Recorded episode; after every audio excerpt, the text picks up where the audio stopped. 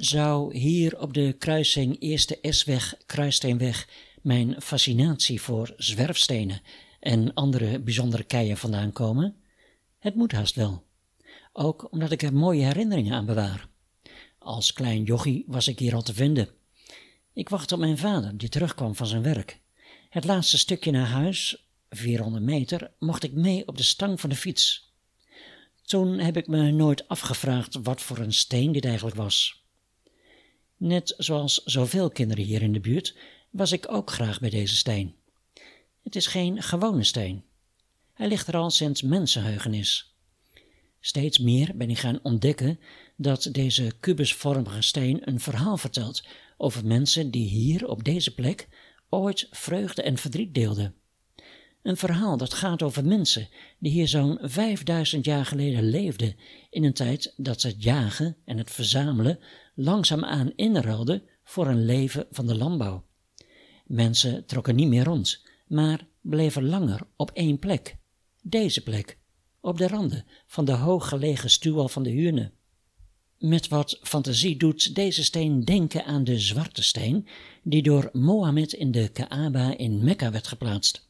Die steen zou volgens de islam uit het paradijs afkomstig zijn en door Gabriel aan Abraham gegeven zijn. Volgens overleveringen was de steen eerst wit, maar door de zonde van de mens zwart geworden. Bij Mekka kwamen verschillende handelswegen samen. Doortrekkende handelaren brachten offergaven aan de plaatselijke goden om veiligheid en succes voor hun reis af te smeken. Tijdens een belegering brak de zwarte steen in drieën. Later zouden ook deze drie stukken verder in zeven stukken gebroken zijn. Nee, ik ga niet zo ver dat deze steen afkomstig is uit Mekka. Ook niet dat op deze kruising offers werden gebracht. Of misschien toch wel. Voor deze steen moeten we terug naar de tijd van de trechterbekercultuur. De tijd van het trechterbekervolk, genoemd naar hun meest karakteristieke aardewerkvorm, een pot met een trechtervormige hals op een bolle buik, soms versierd met verticale groeflijnen. Dit volk ging wonen op vruchtbare keileemgronden met water dichtbij. De mensen liepen rond in wollen en linnen kleding, en ongetwijfeld zullen ze ook veel leer gedragen hebben als rok, hes of, vaak met de haren er nog aan, als mantel. De boeren bedreven landbouw op kleine akkers waarbij ze bomen omhakten. Daarbij sleurden de bomen in hun val andere bomen mee. Het gekapte hout werd verbrand. De as gebruikte men als bemisting. Ze verbouwden gerst en vlas. Als gereedschap gebruikten ze vuurstenen en vuistbijlen. Belangrijk voor de akkerbouw was het eergetouw. Dit was de voorloper van de ploeg, een soort hele grote versie van een haak, waarmee een stok de grond loswoelde door een span ossen. Runderen en varkens waren hun belangrijkste dieren. De bevolking groeide toen er landbouw werd bedreven, want er kunnen veel meer mensen per vierkante kilometer leven van de landbouw dan van de jacht. De boeren zullen zeker ook nog wel gejaagd en verzameld hebben om hun dagelijkse voedsel aan te vullen.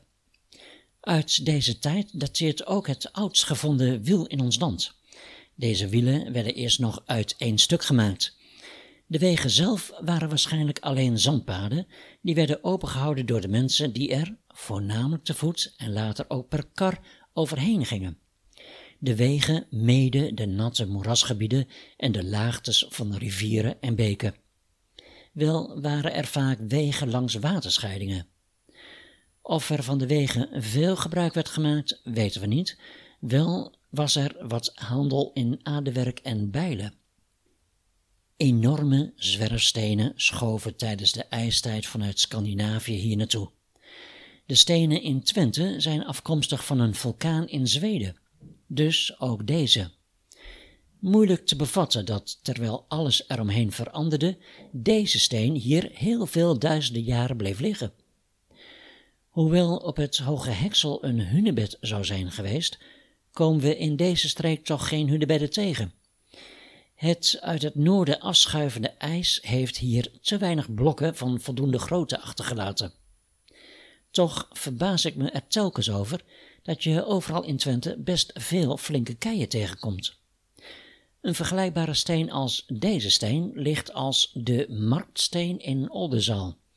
Die steen zou als offerblok in de kapel voor de Germaanse godin Tanfana op de Tankenberg gebruikt zijn. Voor de ingang bij Rijksmuseum Twente in Enschede werd in 1928 een 28 ton zware zwerfsteen van de Lonnekeberg opgehaald. En wat te denken van de dikke steen op landgoed Twikkel in Amdelde, die blijkens de inscriptie in 1845 door twaalf paden vanuit Azelo werd gesleept. Het kost weinig moeite om dit Twentse lijstje met grote zwerfstenen langer te maken, want overal werd door de jaren heen gesleept met grote en kleine keien. Ze kregen allemaal een mooie plek in de stad, het dorp of op het erf. De boeren van het Trechterbekervolk gebruikten deze steen voor een graf, een steenkistgraf. Hierin werd een belangrijk persoon uit deze nederzetting begraven. Zo'n graf is gebouwd door dezelfde mensen die ook de hunebedden maakten. Een steenkist is een soort grote doodskist van steen voor één of twee doden en tot een meter onder het maaiveld ingegraven. Deze steen lag aan het hoofdeinde. Het graf werd bedekt met een laag heuveltje van zand. Doden kregen voor hun laatste reis allerlei voorwerpen mee, zoals aardewerken bekers, kommen, schalen en voorraadpotten. Dat aardewerk heeft waarschijnlijk voedsel en drank bevat dat met het grafritueel is genuttigd en achtergelaten. Verder wapens, gereedschappen en sieraden, zoals kralen van barnsteen. Hoe het allemaal precies ging, weten we niet. De rituelen waren tijdens het begraven waarschijnlijk gericht op de zonnegod. Het was een plaats die met heiligheid omgeven was. Een plek waar wellicht later ook anderen begraven werden. Hier, een straat verder, aan de Jacobsonstraat, deed men in 1965 een interessante archeologische vondst. Men vond er keien die bij een steenkistgraf hoorden. De losse veldkeien waren mogelijk ooit om de doden heen gestapeld. Is deze steen dan misschien afkomstig van dat graf? Tussen de keien vond men delen van urnen. Veel grote stenen en keien zijn in de loop van de tijd verdwenen. Het materiaal werd gebruikt voor wegen en als fundering voor de bouw van boerderijen en huizen. Geen hunebedden, wel is Twente rijk aan grafvelden. Hier heel dichtbij zijn op en rondom landgoed De Barkel op het Hoge Heksel grafheuvels met zogenaamde brandskeletgraven uit de bronstijd gevonden. Hier werd het lichaam van de overledene verbrand en daarna bedekt met veldkeien. Daar overheen kwam een heuvel zand met een doorsnee van zo'n 16 meter en 1 meter hoog. Om het graf heen werd een krans gemaakt van grote keien om zo de grens tussen de levenden en de doden te benadrukken. Er zijn elders ook grafheuvels gevonden waarin onder een houten afdekking de lijken liggende of hurkende in een grafkamer waren bijgezet. Grafgiften waren zeer beperkt, maar soms deden kleinere potjes daarvoor dienst. In de ijzertijd werd de as na de lijkverbranding bijgezet in urnen. De urn werd dan onder een wat kleinere heuvel begraven. Grafheuvels worden ook wel in groepen aangetroffen en zijn dan onderdeel van een groter grafveld of urnenveld. De meeste grafheuvels zijn in de jaren 60 van de vorige eeuw geruimd. Gelukkig bleven een aantal behouden in het landschap. Tijdens archeologisch onderzoek zijn op en rond deze S van de Huurne enkele honderden sporen en vele tientallen vondsten aangetroffen. Over deze S zou een dode weg hebben gelopen. Hier naartoe misschien? Of liep die weg naar de dode akker bij Erve de Wever onderaan de S? Een kleine 3000 jaar geleden werden er de mensen van de Huurne gecremeerd en bijgezet. Er was weinig respect toen de zandgrond hier later werd afgegraven. Gravers kregen wel eens een smerige pot voor de schop, die de gravers dan de weinige eerbiedige opmerking ontlokte. Wie zal de onbreuzelpot, beslagpot, door in de grond hebben stopt? Slechts enkele van de bij dit graafwerk gevonden unnen zijn dan ook maar bewaard gebleven. In een hele oude krant las ik nog een mooie anekdote. In een reisverhaal uit de 17e eeuw werd verteld dat een archeoloog in de omgeving van Wierden naar urnen wilde zoeken. Hij vroeg aan een boer om op een bepaalde plaats te mogen graven. De boer vroeg wat hij dacht te vinden, waarop de man zei dat het ging om enkele potten die hij daar al 1700 jaar had laten staan. De boer zei: Zo oud ben je nog niet. Rustig begon de man te graven, maar nauwelijks had hij vier urnen gevonden, of de boer gooide zijn schop weg en riep de buren te hulp. Hij dacht met een heksenmeester van doen te hebben. De man kon blij zijn dat hij het er heel huids afbracht. Langs het grafveld bij Erve de Wever onderaan de S liep een gutte, een sloot. Deze gutte past precies in de prehistorische dodencultus, waarbij men zich voorstelde dat de zielen van de overledenen met het dodenschip werden afgevoerd. De gutte voerde het water uit de huurde af naar de verderop laag gelegen broeklanden, die we nu kennen als het Zuidbroek.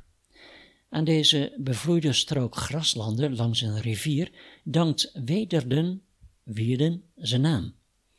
In de middeleeuwen stond deze grond tussen Wierden, Enter en Almelo bijna het hele jaar onder water. Niet raar dus dat nu in meerdere straten in het Zuidbroek het woord water voorkomt.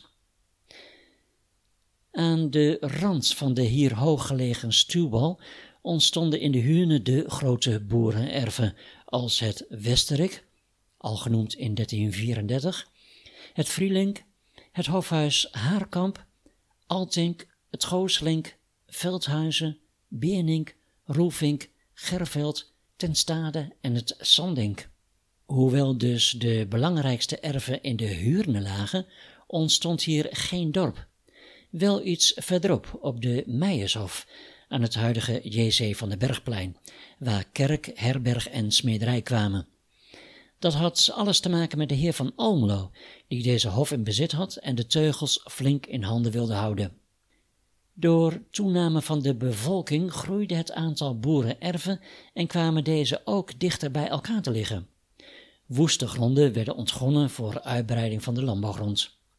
Daarom stelden de boeren regels op tot behoud van hun rechten en het juiste gebruik van de niet verdeelde stukken grond.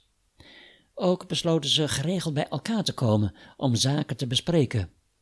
Het grondgebied van de buurtschap werd afgebakend. Er kwamen grenzen, die werden gemarkeerd met grote zwerfkeien of palen. Dat was het begin van de marke. De markewierde bestond uit drie kernen: de Huurne, het Loo en het dorp Wierde. Later werd Wierde samen met Hoge Heksel een dubbele marke. De S hier is een stuwwal uit de ijstijd. Eigenlijk is het één grote hoge akker. Daaromheen bouwlanden, weiden, bos, moeras en uitgestrekte heidevelden tot rijsland toe.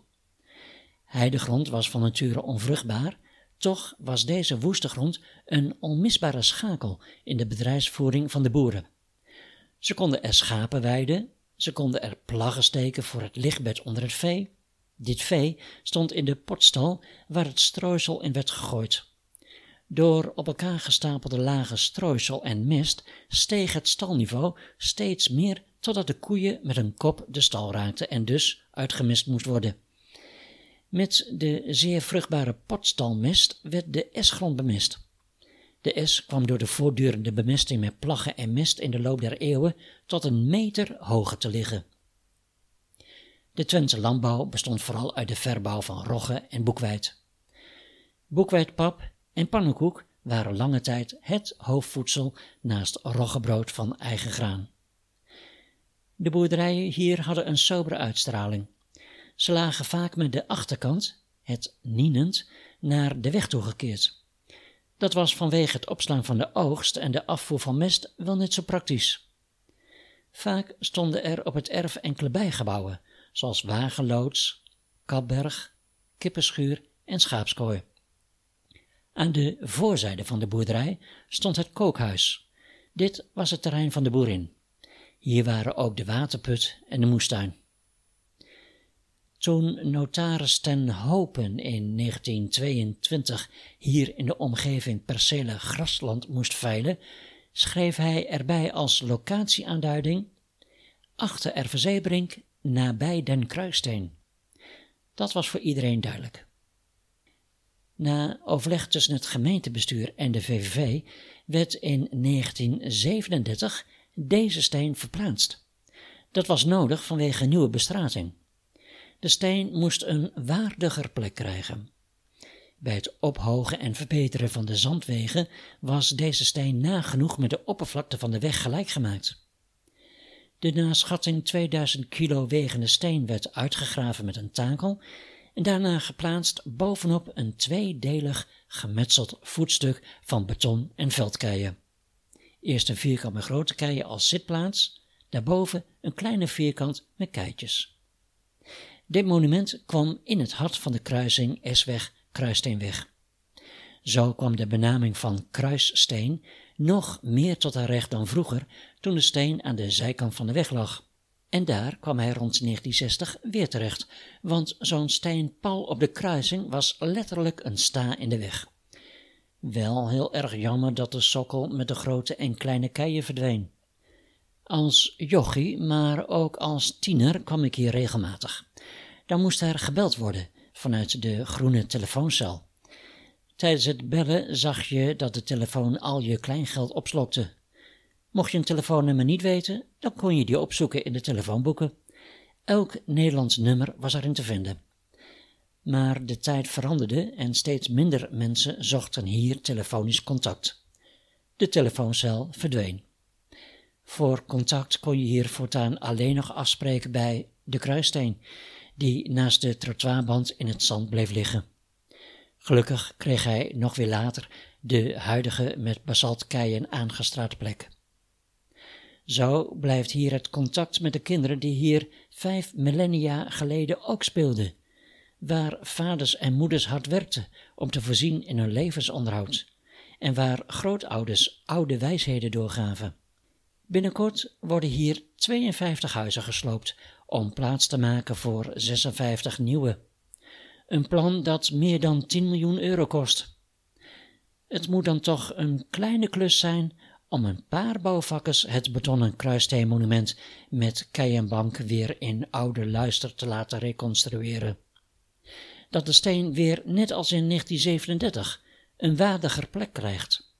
Dit keer niet midden op de kruising, maar wat bezijden de weg, opdat ook de kinderen van nu, hier, later, net als ik, hun vroegste herinneringen mogen ophalen.